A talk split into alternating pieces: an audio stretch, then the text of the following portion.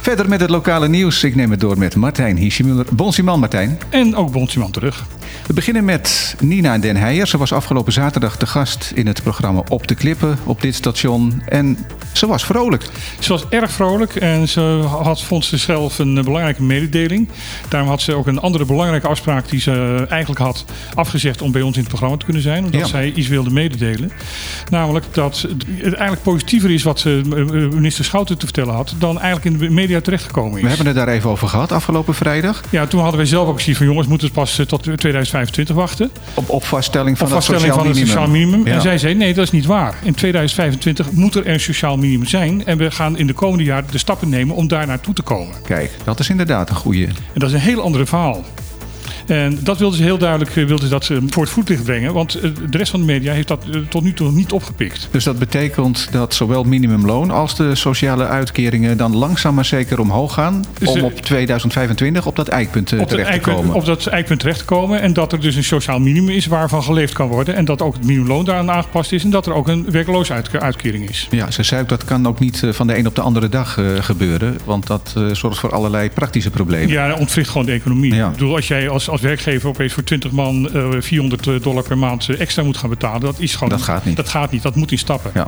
Dus dat is logisch. En los daarvan bevestigden ze ook eh, dat, het, dat de kinderbijslag in twee eh, fasen omhoog Ja. ging. En dat er een, een mooie regeling getroffen gaat worden voor die mensen die recht hebben op dubbele kinderbijslag in de toekomst. En Dat klopt. De- Het is niet mogelijk om dat te vervroegen. Dat kan pas inderdaad halverwege volgend jaar dat dat definitief geregeld is, want dat moet wettelijk geregeld worden. Maar zij eh, zegt van er, er komt een tegemoetkoming tot die tijd. Ja. Slecht nieuws voor de mensen die diesel tanken.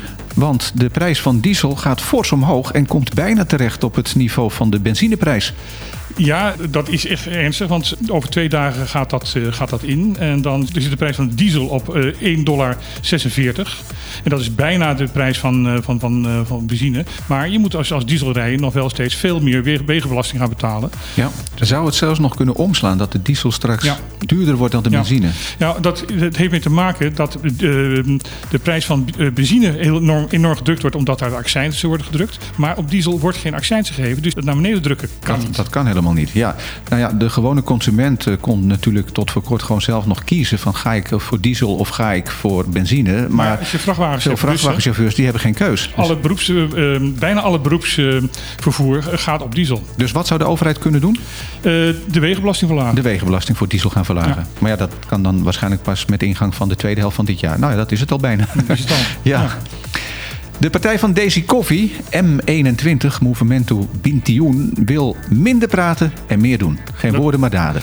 Nou, ik eh, heb ook eh, v- eh, afgelopen zaterdag in het programma op de klippen gezegd van je moet een politicus nooit op zijn woorden eh, geloven, maar op zijn daden. Ja, dat is een eh, bekend eh, gegeven. Bekend, bekend gegeven. En dan eh, is dit natuurlijk een hele goede uitspraak.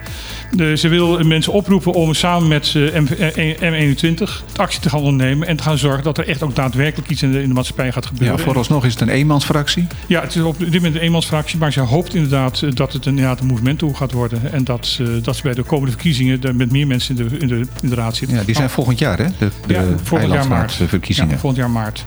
En eh, op- op die manier eh, wil ze alvast een soort eh, voortraject eh, daarvoor eh, houden. En zeggen van iedereen is welkom om bij, bij mij eh, wat aan de toestand op Bonaire te gaan doen. Ja. In Nederland wordt nog wel eens vergeten dat eh, Bonaire, Sint-Eustatius en Saba onderdeel zijn van Nederland. Er is nu een eh, brief uitgegaan, volgens mij geschreven door Marielle Paul, die daar aandacht voor vraagt. Ja, Marie Pauw is de, de nieuwe voorzitter van de Vastkamercommissie Koningsrijksrelaties. Ah ja, Ehm, eh, zij neemt haar se- taak dus duidelijk heel serieus en ergert zich eraan dat eh, veel andere ministeries en andere commissies binnen de Tweede Kamer een beetje lacherig doen over, eh, o- over de, de Caribisch Nederland. het is gewoon buitenland voor veel anderen. Voor, voor veel mensen is het buitenland en zij wilde benadrukken van nee jongens, dit is een stukje Nederland en wij hebben daar als Tweede Kamer een verantwoordelijkheid over. En eh neem die verantwoordelijkheid en neem het serieus en laten we met z'n allen gaan proberen de problemen die daar heersen, onder andere die armoede, te gaan oplossen en mm, dat we daarin gaan samenwerken. Dit is een opvallende oproep, want dit is eigenlijk nooit eerder gedaan en het tekent de manier waarop eigenlijk de aandacht voor Caribisch Nederland de afgelopen jaren enorm gegroeid is, Ja. zeker gedurende de COVID-tijd. Absoluut, heel positief weer. Dan zijn er zorgen in Den Haag over ondermijning in de kaslanden. Dat zijn eh, Curaçao, Aruba en Sint Maarten. Eh, wat bedoelen ze daarmee? Ondermijning in de kaslanden? dat de onderwereld en de bovenwereld, dus de onderwereld, eh, de criminaliteit en de bovenwereld, de politiek, met elkaar vermengd raken. En dat geldt voor die landen eigenlijk eh, in eh, behoorlijke mate. Men is daar zeer ongerust over. Er is een WOP-verzoek gedaan, een wet openbaarheid bestuur. Eh, daar is een, een, een document uit, eh, uit voortgekomen van 115 pagina's groot, waar alle mogelijke eh, ja, brieven, eh, mededelingen, conversaties in opgenomen zijn. Wie heeft dat WOP-verzoek eh, ingediend? Dat heeft een journalist gedaan. Oké. En Alexandra van, van Huffelen, de eh, staatssecretaris van Koninkrijksrelaties, zegt ook in de begeleidende brief van we hebben een aantal dingen niet openbaar kunnen maken, omdat dat de goede relatie met die landen gaat verstoren. De- Met andere woorden, er Mensen zijn, op hoge posten zijn misschien betrokken. en zijn betrokken en zijn worden verdacht. Het wordt zeer serieus genomen. Dus een team van eh 11 FTE, eh, v- eh, dat zijn dus fulltimes, 40-urige banen. Ja? Dat kan door meerdere mensen ingevuld worden. Met een budget van 20 miljoen. ja, dan kun je wel zeggen dat het serieus genomen wordt. Ja. En dat het dus die zorgen eh, zeer reëel zijn. Ja. We zijn toe aan het weer. We zijn weer toe aan het weer. Ik heb hier een weerbericht voor mij waar voor het eerst in drie maanden het woord significant niet in staat. Nou, een significante verandering. Het Slaat er Het viel op, nergens op. het maar- viel meteen op bij ja, jou. ja, ik moest daar erg om lachen. Maar goed, wat staat er wel in? Wat staat er wel in? Dat het eh, z- eh, tijdelijk zwaar bewolkt is, maar dat het droog zal blijven en dat er vrij veel wind zal zijn. De maximale temperatuur is 31 graden, S- eh, s'nachts zakt dat terug naar 26. De windkracht is 4 tot 5 normaal, met eh, uitschieters naar 7. Ja, dat is een fors windje. Dat is een forse wind. Het zal voor de rest relatief droog zijn de komende dagen en de mogelijkheid tot bui is beperkt. Maar door de sterke wind moet men op zee rekening houden met eh, steeds hogere golven. Oké. Dankjewel Martijn. Tot morgen. Tot morgen.